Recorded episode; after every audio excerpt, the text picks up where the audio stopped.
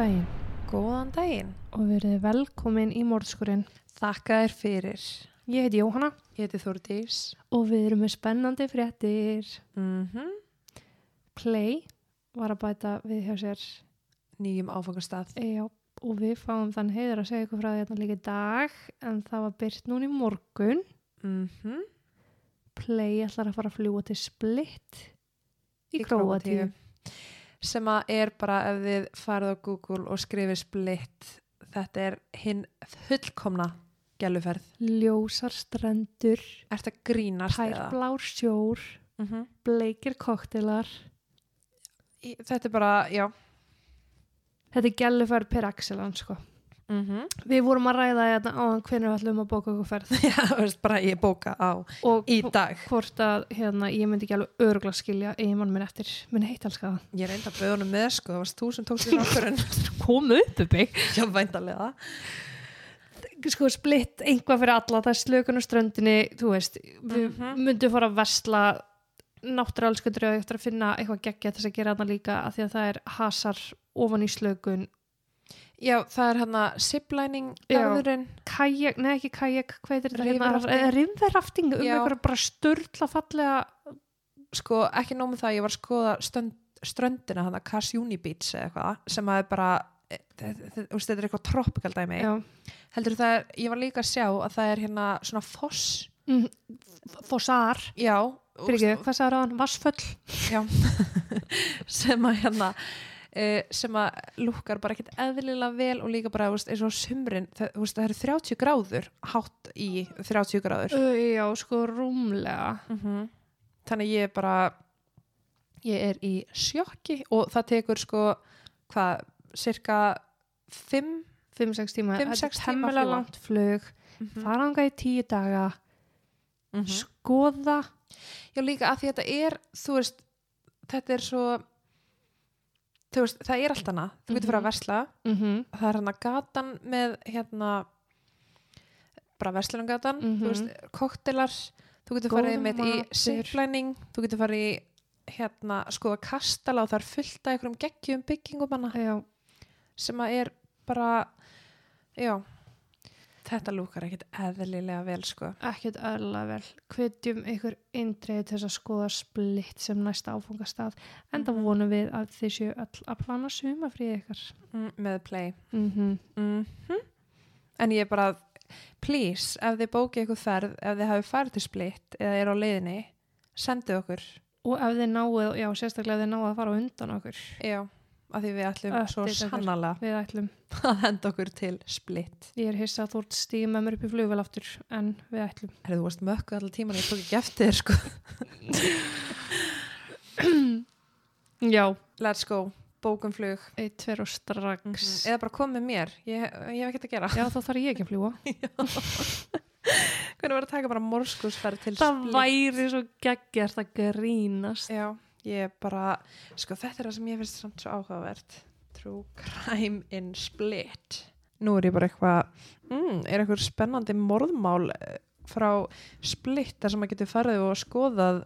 Vingo Pintaric Ok, was a Croatian serial killer en outlaw var hann frá split? hann frá Króti Já, ég allavega, let's go, split. Split, ekki setja núna Mm -mm. Já, hvað sér ég, á ég að vinda mér í þetta mál Jeps, ég ætla nefnilega að segja þér frá henni Kimberly Clark sem fekk síðan mér eftir nafni Sainz Mm. en hún fættist þann 3. november árið 1973 í Fall River í Massachusetts hmm.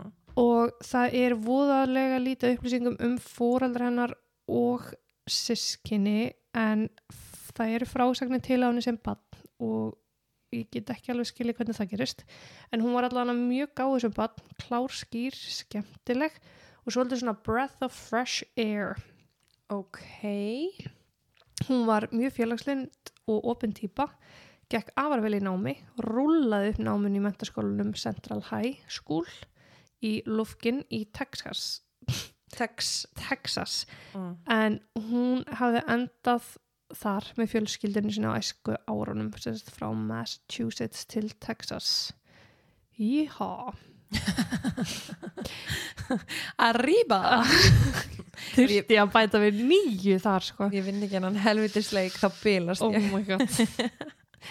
Kimberly var eins og ég nefndi afar félagslind og eitti tímunum sínum í alls konu íþróttum og vegum skólans. Og það skrifast við svolítið svona á skóla eða svona menta námskísluna þeirra, mm. ferilinn þeirra. Það lítur rosalega vel út að vera virkur í íþróttum. Mm. þegar hún sækir svo síðan mér um í háskóla. En hún var hvað mest í softball boll, og það þýðist sem mjúkbolti sem er frekar fyndið. Mm. en þetta er eins og hafnabolti nema öðruvísi og ég ætla bara ekki að segja mér um það. Ok. Ofan á það var hún klappstýra og klappstýru titillin reif svolítið upp vinsaldunar hún var afar vinsal í skólunum var mjög vinamörg. Ásamt því var aðtegli strákana svolítið mikil í garð Kimberly mm. og eða Kim. Og hún var ekki mjög gömul þegar hún er farin að eignast kærasta. 17 ára gömul eða á næst síðasta árinu sinni í mentaskóla uh, þá kynst hún Kevin sem síðar meir var kærasti en ekki bara það tilvonandi basfæði líka. Ok það var fjölskyldi Kimberly hreinlega mikið áfall að vita það að hún þetta ung væri að koma með barn í heiminn en það höfðu allir búist við því að hún myndi rúlla upp mentaskólanum og þaðan fari í háskólan mm. Í augum fjölskyldu hennar höfðu henni verið allir vegir færir, alveg þar til hún pissaði á þungunaprófið. Og hvort að það hefði spilað stóran þátt í þeirra ákvörðun að hún sér mér hætti í náminu, get ég ekki sagt til um, en hún allan gerir það. Og hún ákvörður að skrá sig úr skólanum rétt áður en að sonur þeirra fæðist árið 1990 Mm. og Kevin var þá eftir og lauk sínu námi. Hann vann myrkarn á milli til þess að eiga í og á fjölskyldunum sína og stutti þau eftir bestu geti, getu. Þegar námið hans lauk var hann í tveim, þreim vinnum til þess að ná end með saman en það var Kim enn heima með svona þeirra og starfaði í því fullar starfi sem það er að vera heimavinnundumóður. Mm. Því hlutverki sint hún þar til að sonur hennar var orðin fjögura ára gamall en þá komst hann inn í leikskóla eða svona pre-K Mm. og hún ákveður að skrá sig aftur í nám og hún klára þær einingar sem hún, hún þurfti til til þess að komast inn í háskóla. Ég datt út, er hún ennþá með þessum gæja? Já. Ok Stefnan var þá tekin á Angelína háskólan í Lufkin og sko Kim tekur það sem að kallast LVN en ekki RN. Kim var í raun að taka ársnám í hjógrunafræði til þess að fá starfsleifi mm. til þess að sjá um, um, um önnun sjúklinga upp á vissu marki, marki. Það sem að fellur undir hennar starf er þá eftirlit með lífsmerkjum, einstakar livjagjafir í æð, sárameðferðir og bara almenn ummunun en undir eftirliti hjúkunarfræðings. mm. Kimberly er samt töluð um sem hjúkunarfræðingur allstar. Það er samt ekki alveg hárri eftir okkar íslenska standard. Þetta væri svona nær sjúkraliða með framhaldsmyndun. Já En Kimberly tekst þetta, hún nær sér í þessa gráðu og í framhaldi lítur allt út fyrir að verða bara upp á við. Hún gifti sig, eignast dóttur og lang flestur liti upp til þeirra en það harduglegt fólk, öflug og kirkjurækin. Kim sérstaklega fann sér fóröldarhlutverkinu allt frá því að sonur hennar fættist en hún var þessi mamma sem var bara all-in. Hún mætti á alla leiki, alla samkomur, alla viðbyrði, allt sem tengdi skólanum, hún mættust og aðri fólkar dáðust að dugnaði þeirra, sérstaklega dugnaði Kim. Já En raunveruleikin var nú samt annar en þessi glansandi sem aðri töldu sér sjá innan vekja heimilisins var ástandið þungt, hjónabandið stóða bröðfótum, mikið ofbeldi var inn á heimilinu þegar enginn sá til og lögreglan orðin tíðu gestur. Það var Kim sem var skapstór, orðin háð áfengi sem og hinnum ímsu livjum og búin að koma sér í vandræði í kjölfarið. En árið 2006 verðist ástandið hafa vesla hratt en lauruglan var reglulega gestur á heimilinu en Kim sem hafði svona haldið sér við andlet ofbeldi var nú fann að beita eigimenn sinn bara líkamlega ofbeldi og það reglulega. Já Eiginmaður hennar hafði margsinni styrst að flýja heimilið með börnin vegna ástandsins en Kim var árið 2007 farin að neyta áfengis og þunglindislifja í herri skamt en hún ætti að gera. Þetta var til þess að þunglindið eh, sem hún hefði vissilega verið að stríða við versnaði því að aukaverkanir þessara livja sem hún var á, sem balt heita þau, mm. þau versna þegar að þau eru tekin með áfengi það voru að drekka ofan Já, í lifigjöfuna og Er það ekki með öll þannig lif? mjög mörg sko en það er náttúrulega bara persónubundi hvernig það fer í þig Þú veist, eru læknar að mæla með því og drekkir ekki með þeim út af því að það getur verið aukaverkanir eru bara að mæla með því að drikja sér slæm af því að þetta eru læknar ég veit, ég gerir mér ekki alveg grein fyrir því Nei. en í þessu tilfelli að þá er uh, vitað þekkt aukaverkun að blanda áfengi ofan í lifigjöfuna uh, verður þess valdandi að þú finnur fyrir kannski frekar þunglindi mm. og það sem hún var að nota áfengi til þess að deyfa þunglindi þá var hún náttúrulega fann að drakka meira því hún var þunglind líka því hún drakk oh. Já Áfengisneislan hennar var dagleg, livjatakan líka og ofbeldi í kjölfarið. Lörglan hafði átt afskipti af henni inn á heimili fjölskyldunar og ákjærtana fyrir heimilsofbeldi sem og fjölskyldu ofbeldi talað um, mm.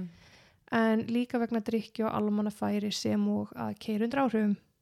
Ok Eiginmaðurinn hennar gafst upp á ástandinu enda gríðarlega mikið álag á honum sem og á börnunum hans svo hann gerði það eina sem hann taldi vera rétt í stöðinni og fekk á hennar nálgunabann mm. þegar hann skilur við hana. Og tekur börnin og tekur börnin, já. Hún er alltaf ynga ástand þess að sinna þessu börnum, blind full dópið. mm -hmm.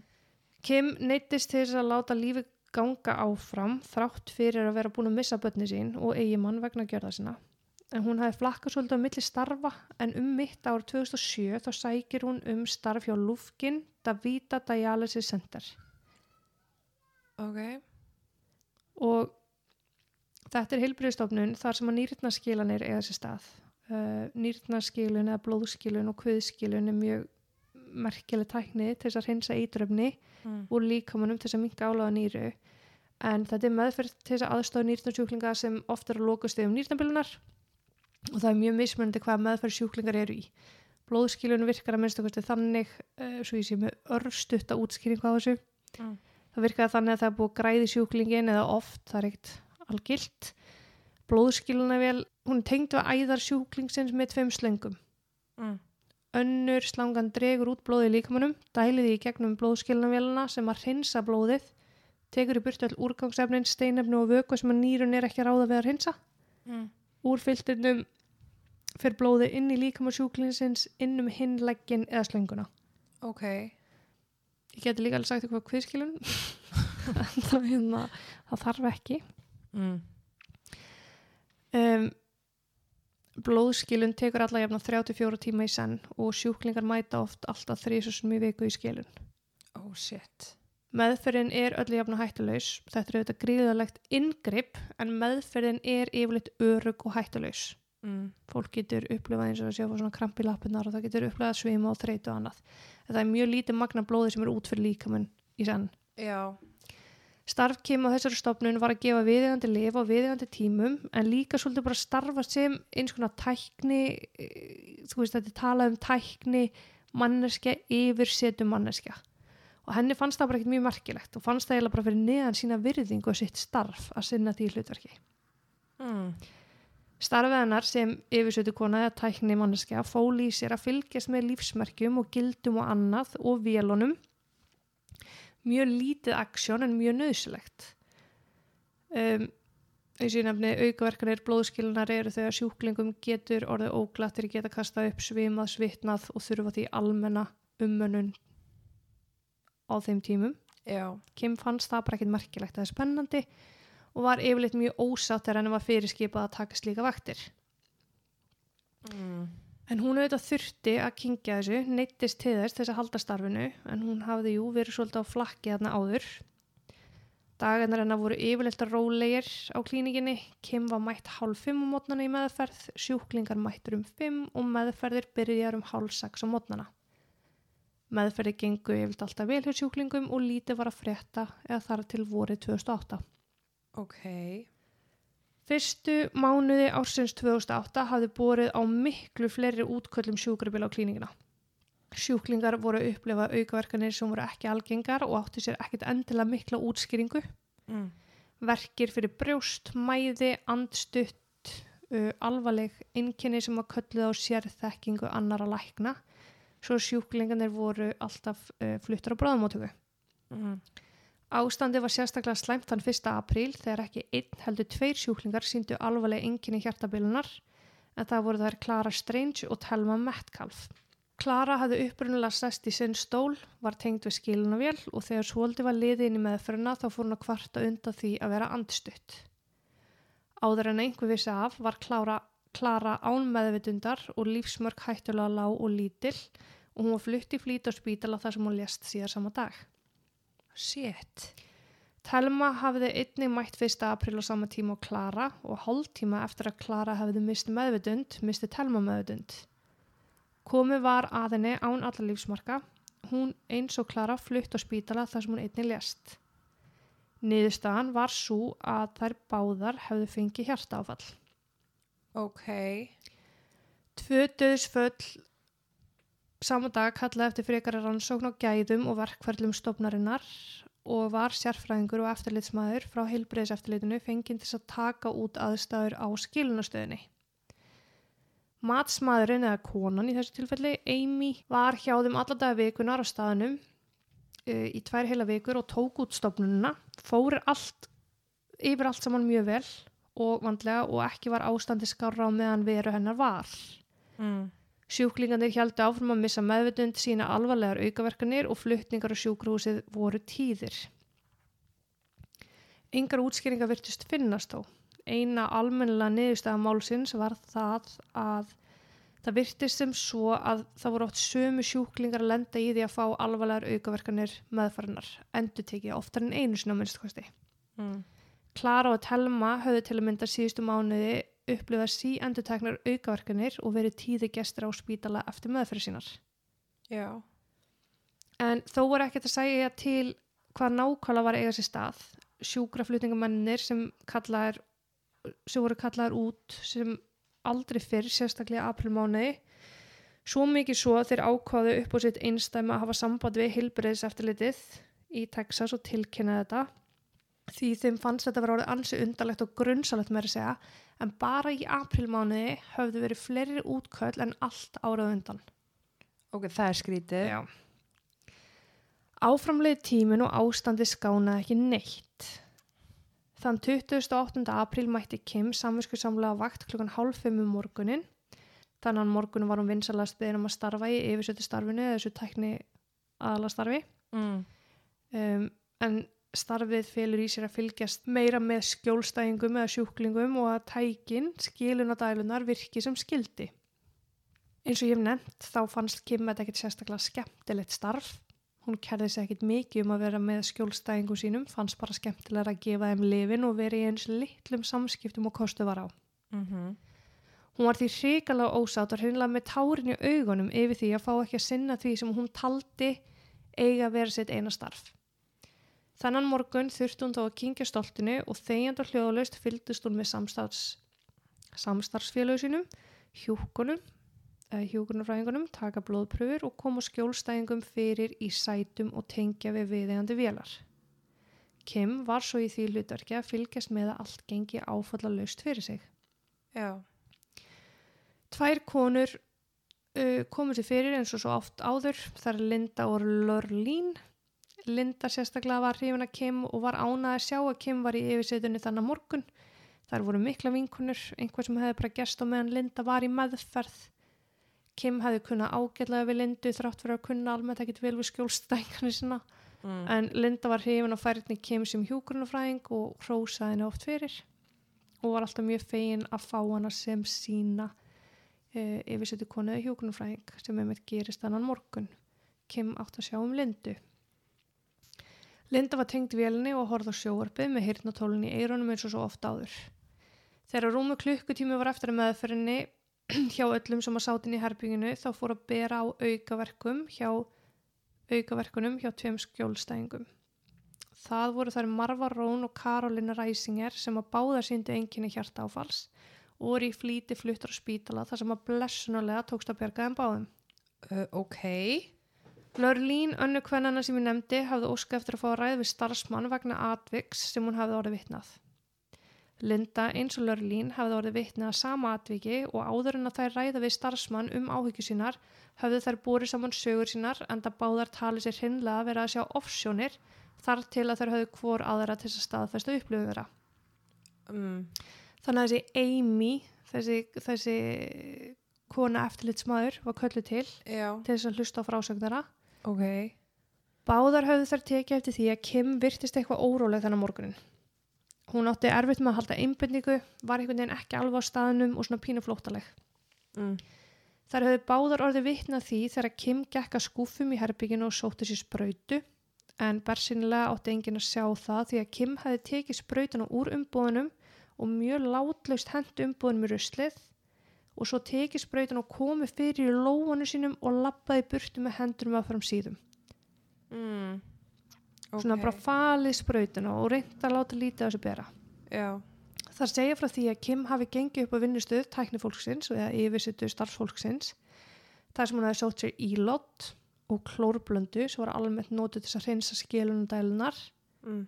og hún hellir klórblöndu í ílátið, leggur ílátið á gólfið við hliðin á starfstöðinni þar sem í raun enginn gatt séð já, hvað hann var að gera en Linda og Laurelín voru náttúrulega báðum með augun á henni og gáttu séð allt. já Kim hefði farið á nýja sér svona setið á hnjám, svona skvattað mm. tekið sprautun úr vasanum og dreigið klórlusn upp í sprautuna. Á meðan hafði hún sífælt verið að líti kringu sig enda augljóslega verið að gera eitthvað sem verður að tellist afar óeðalegt. já, Þær sögðu frá því hvernig Kim hefði síðar staðið upp og gengið að mörfu sem síðar fekk hjart á vall en hún sprautaði klórlusninni beint í æðalegin hennar. mm. Linda tók fram að henni hafi fundist hún vera að ruggla bara og ímynda sér. Bara hún lítur að hafa verið með eitthvað annað liv í vasanum já, en klórblöndu. En hún tekur eftir því samt að Kim fer ekki beint og skráir þess að lifja ekki niður niður í tölvuna eins og á að gera.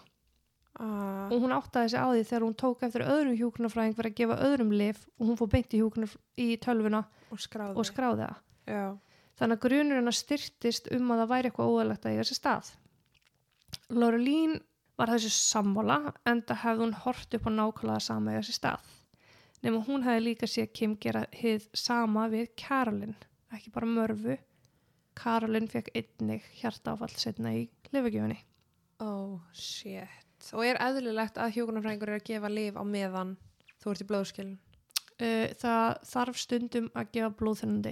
ok, Þetta uh, og það var einmitt líka búið að vera svolítið mikið tilfellum þar sem að sjúklingar voru uh, að fá of mikið af blóðþennandi livjum í meðfrum mm. sem að var að senda á spítala með aukvarkanir.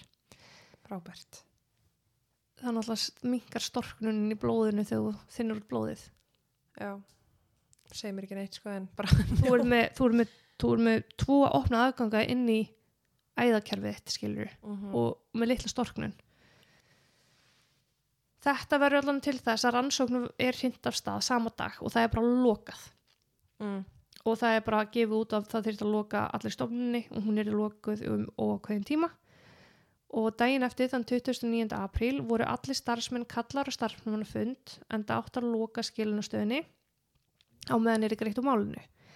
Eini starfsmæðurinn sem var ekki mættur á starfsmannafundin var Kim Mm. því hún var staðsett á lauruglustöðinni í yfirreyslum. Hún hefði verið kölluð þangað. E, já, Aðspurð hvað henni fannst um ástandið sem hafi verið í gangi vinnustæðanar síðustu mánuði, tíðaru aukaverkanir, veikind og döðsföll, þá sagðist hún vera stressuð og hrætti við að fara til vinnu, en það vissi hún að hún var að gera allt rétt, en hún var samt hrætt um að missa starfslefi sitt vegna þess sem var eiga sér stað. mm.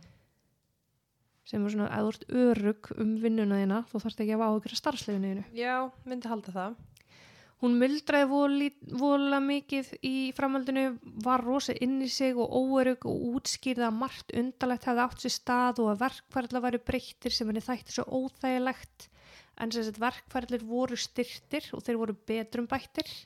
mm. Um, ég meina að skilja lega það er kom döðsföll ná, nákvæmlega. En reynsla hennar af blóðskilun hafði verið engin áður en hún fekk þetta starf og þessar breytingur og verkfærlum væri henni mjög erfið þar sem hún væri nýlega búin að ná tökum á þessu öllu saman þegar, þegar öllu var breytt aftur. mm. Eina breytingin var samt svo að starfsfólk var beðið um að klæðast meiri hlýðafatnaði og láta þið taka blóðþrýsting oftar en áður var.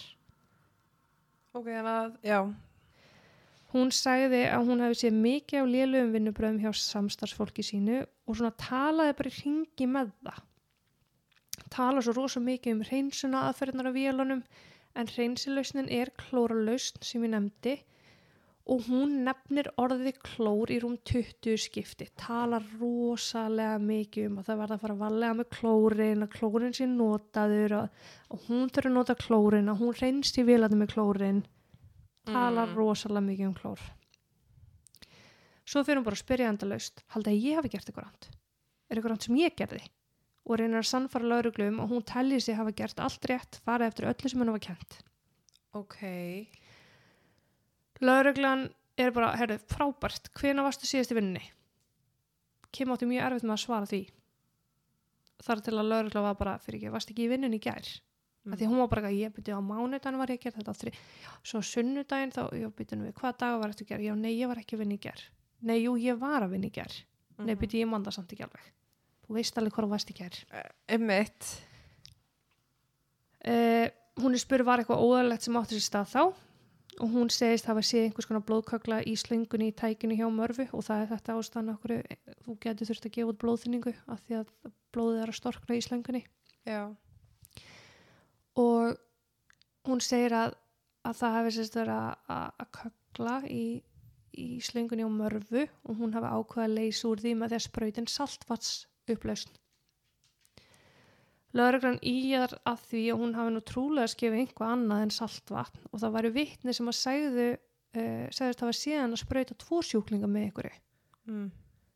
en hvað það hefði verið í sprautunum þyrft að fá að reynd Já. en kemur bara að ég kann bara ekkert að meta það að þeirra frásögn sé talin trúverðug fram með mína svo bara ég man ekki eftir að sprauta tvo sjúklinga Hún segist bara að sprauta eitt með saltvatni. já hún er þá spurð hvaða starða sprautum uh, hún hefði notað. Mm. og það voru 10 millilítra sprautur. Hún var spurð hefur notað í klóruplusnina já svarar hún. Og sko yfirheyslan er bara svolítið svona fram og tilbaka. Hún neyta fyrir að hafa verið með sprautur í hendinni gleymi sér, minnist á það. Hún Já. hafa verið með sprautur í vasunum og í hendinni, neyta fyrir það aftur. Og henni er sleppt eftir yfirheyslu Mm. að því yfirheyslan er ekki að fara neitt. Það bara, þau fást að fyrst hún hefur dreigið upp klóruplusn í 10 millilítra sprautur áður Já. hún neyta fyrir að hafa gert það í gær Já. hún hefur sprauta salt vatni í uh, dælunar hún gerði það í gær en ekki við tvo, bara við einn En þessar konur sem að upp á spítala og lifðu af, mm -hmm. gáttu þær ekkert komið fram og sagt bara, jú, hún setti eitthvað drasl á meðan ég var Já, Já. kannski ekkert eitthvað að tala við þær Nei, eða þú veist, jú en málega var það að það bara gæti ekki sagt til um það hvort að það hafi verið eðlilegt og óeðlilegt skilju Já, já, hvort það hafi verið saltvat á eða klór Já. eða- Ok, en henni er sleppt eftir yfirherslu hún er rekin mm. og henni er meinað að starfa á heilbreyðstofnunum á meðan rannsókna aðstæðum heldur áfram skiljulega en skvís hérna glemdi því náttúrulega var bara komin í vinnu nokkur til setna sem, Hvað annars það er þá eða? já, Ok, og e, e, þú veist, er, ekki, er hún ekki á skrá sem bara undir rannsókn ekki ráð mig? Eða hana? neða, fylgdi því mér ekki ok. rannsóknin tók óratíma Mm. það þurfti að prófa alla slöngunar sem hefur verið tengda við dælur þeirra sem viktust eða dóu ásamt því að alla sprautu sem voru notar daginn sem að allt kemst upp eru rannsakar Já. og í þeim sem eru taldnar hafa verið notar að kim voru allar með ummerkjum klór eða klór hafa verið í þeim Mm. slöngur þeirra sjúklingar sem að letust eða fundu fyrir aukaverkunum voru öll með jákvæð klórpróf líka og þegar fyrir að rekja hans tilbaka og skoða málin Já. að þá áttu öll fórnalöfin það sam, sammeilegt að hafa verið á sama stað og Kim daginn sem þau veiktust eða dói Ok. en þann 16. apríl var Garlin Kelly í blóðskilun ámálstæðin Mm. Yey. og Kim skráð hjúgrunafræðingurinn hans sem að þýtti það að hún átti að gefa honum viðandi lif ef til þess þyrti Mm. þegar einhvað er liðin í meðferðina þá fór skiluna vel Garlin að gefa frá sér hljóð sem að vakti aðtegli annars hjúgrunafræðings sem að kom að Garlin meðvitundar lausum. Kim kom hlaupandi að þegar hinn hjúgrunafræðingurinn var að meta ástandið og það kemur ljós einhvers konar tappið að myndast í skilunslöngunni. Eh, blóðtappi sem var þá talið hafa orðið þess valdandi að Garlin fjekk hjartáfall. Mm. Hann var fluttur á sjúkrahús þar sem að endurlífikun aðferðir uh, báru vissulega árangur en hann fjall í dá og lést 18. ágúst, alveg fjórum mánuðum síðar. Oh shit. Skilunarslöngunar voru varveittar vegna aðstana og síðan meir uh, rannsakaðar þar sem komi ljós við rannsókn að inn í slöngunni fundist leifaraklór. Blóðsýni úr Garlin síndi, síndu einnig fram á það að hann var með klór í æðum sínum og krypning síðar meir staðfesti að Garlin hafi látist vegna þess að klóri eða klórblöndi var sprautað inn í skilunavélunans. Krypning eða réttalæknir taldi það eina leiðin fyrir hann til að hafa fengið þessa lausn inn í líkamann sinn. Og þetta var á nýja vinnustanum hennar. Nei, þess- á þessu skilunarstað. Já, þú veist, var, Kim var að vinna. Hæ? Kim var að vinna. Já. En hún var sett í leifi. Nei, já, ég er að segja frá, þú veist, þetta gerist aldrei í apríl. Já, þú segir mér aftur í tíman. Já, Já. og 16. apríl þá sem sagt þetta er einn af þeim sem að fekk aukaverkun Áður en hún var sett í leifi. Já, Já. áður en allt kemst upp Já, já, já. um, Cora Bryant kom í blóðskilunum morgunin 22. apríl hjúkunarfræðingurinn hennar var ekki Kim eða þegar hjúkunarfræðingurinn brá, frá, brá sér frá í pásu þá tók Kim við þegar hjúkunarfræðingurinn kom tilbaka var skilun að vel Cora að gefa frá sér hljóð og Eins og þú.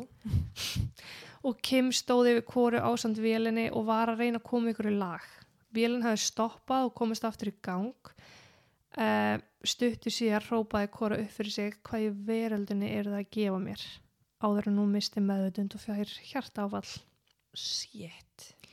Hún var flutt í hrað á spítala þar sem hún lést þann 15. júli. Er þetta mæ, júni, júli. Já. Skilunarslenguna voru einni varveittar en síndu ekki fram á neina leifara klór Ok. Hins var áttu blóðpröfur eftir að sína fram á að klór var til staðar líkamannar og dánarósök einnig skrifuð á að klór hafi verið komið fyrir í vilni. Ah. Opal Fjú var einnig, þann 27. apríl var Opal Fjú uh, ekki, hún var ekki á ábyrð hennar Kim þennan morgunin var á ábyrð annars hjúkunarfræðings Mm. en á meðan sá hjúkunarfræðingur brá sér frá þá kemur eitthvað fyrir. Mm. og það veit enginn hvað. En þegar hjúkunarfræðingurinn kemur tilbaka þá var uh, Opal meðutendalaus og látin í stólu sínum. Tilraunin til að endur lífgana bári ekki árangur og hún deyr þarna uh, síðar þegar þannan, síðar þannan dagur hún úrskurður látin Afsakið, en er ekki annað fólk í blóðskilun á meðan? Jú, Og Kim er inn í herbyrginu? já Ok. Fyrrum daginn hafði hjúkunarfræðingurinn gefið Kim þau fyrirmæli um að gefa Opal við slif. Mm.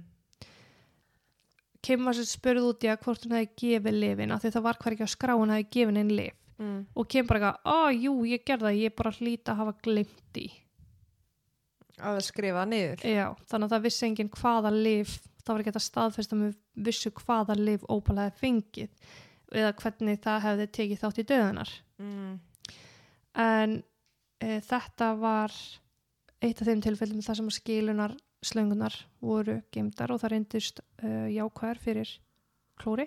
Að auki fannst sprauta um, sem var með nafnin hennar hjúkunarfræðingsins Já. og hún var skoðuð og það var klóri í henni Ok. en klórin tengdist því að Kim hafi gefið henni lifin þó Já. hafi ekki skráða Einmitt. að því að hjúkunarfræðingun hennar hafði aldrei gefið henni neinn lif og ekki, ekki meðhöndla neinn lif annað en bara að því að það var nafnið hennar var á því að því hún átt að gefa henni en hún þurfti að bræða sig frá þannig að Kim gerða það Já.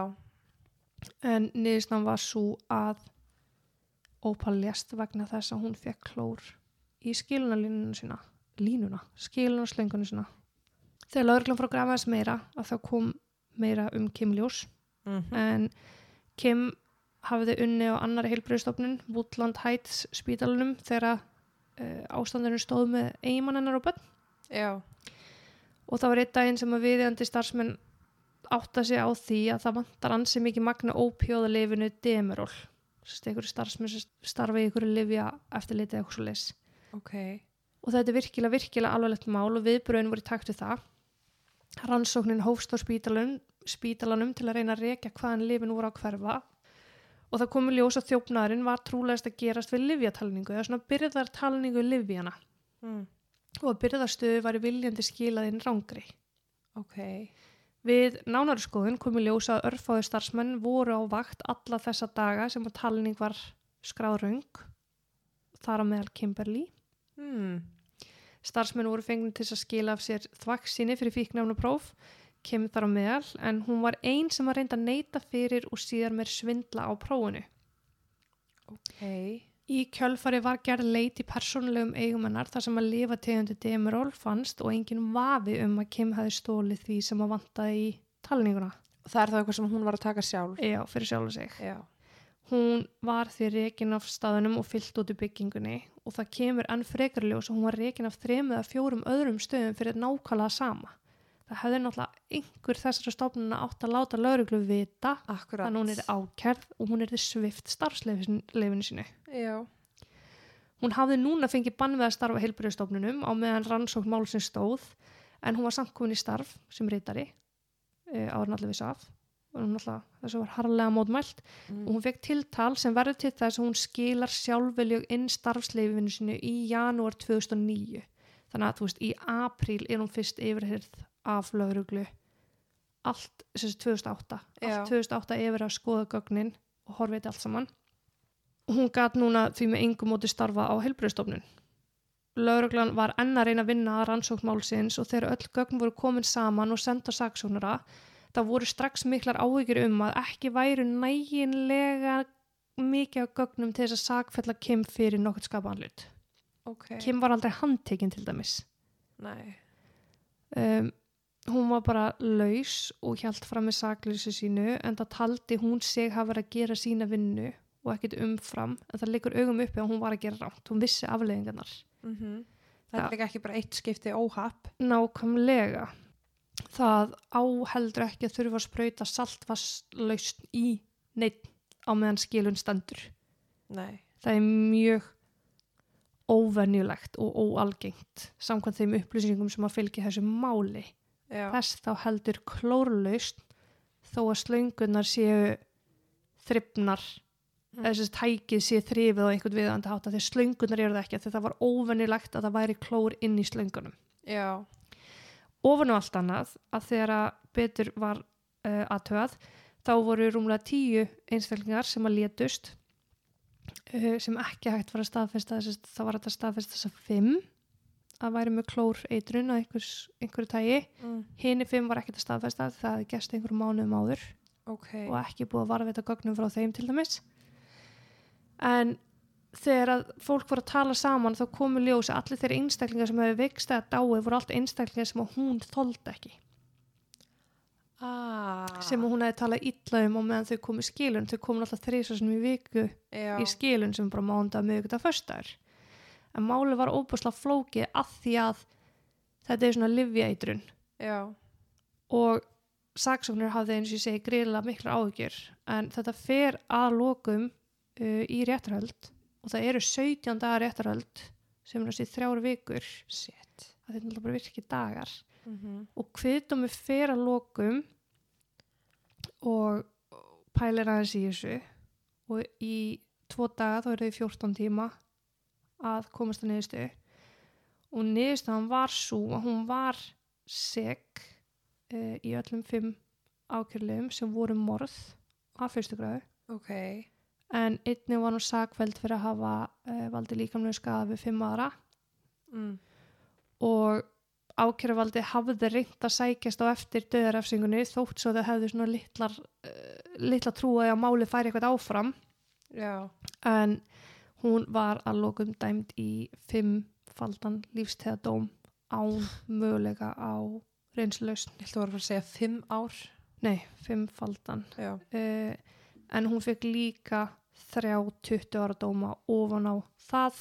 Mm. það er sagt, ef hún skildi einhver tíman fá möguleikan á reynslulaust þá þarf hún að þá er þetta 60 ár sem þarf fyrst að afplána já, fyrir bara gróa líkamsárás. Akkurat. En hún heldur fram algjöru sakleysi þykist ekkert hafa gert. Nei, og fjölskyldur þeirra sem að létust eru náttúrulega hrikalega ósátt með það. Að það var bara hægt að sækja henni til saka fyrir fimm og það er ekkert að sækja henni til saka aftur. Mm þú veist það bara er og flókið og vantar gögnin í það og það er engin sönnunagögn já. nógu erfitt var að fara með þetta allaveg en hún situr allan inni. Og hún er búin að reyna að áfrýja. Virkaði ekki? Ok. Shit. Ég bara vissi ekkert hvert þú varst að fara með þetta málu tímabili nei, raðmóringja, landsið við tökur raðmóringja já, hún er bókstala raðmóringi en samt einhvern veginn fattar maður ekki hún sé raðmóringi mm -hmm. og ég veit ekki, ég skil ekki alveg, þú veist. Var óvart að döðsföllin urðu? Mm eða var það viljandi? Já, ætla hann að drepa var hún kannski bara það dópuð og hún vissi ekki hvað hún var að gera? Já, ég veit það ekki. En líka bara því að sumir deyja þú veist, það, það eru sko eitthvað 90 útkvæðla sjúkrabílum mm á eitthvað stutti tímabili. Ertu að, ert að klúðra því svona ofta að drepa fólk? Þá eða væri, er það óhefna fólki degi? já, þá væri hún samt ekki að fela þetta eins og hún gerði það Nei, hún er alveg faldið þetta þvíli Já, og, þú veist, ef hún væri bara taldi sig verið að taka saltvatni eða eitthvað, þá væri hún bara eitthvað, þú veist, og sko með samvisku líka því hún er bara eitthvað, ég tel mig vera þú veist, uh, samvisku, já, samvisku þú veist, hún fær samvisku, hún verður áhyggjufull. Já, en já, Þetta er mólið hennars. Já, sælir, kælir. Þannig að ég ætla að þakka fyrir þig í dag. Yes. Og takk og bless. Takk og bless.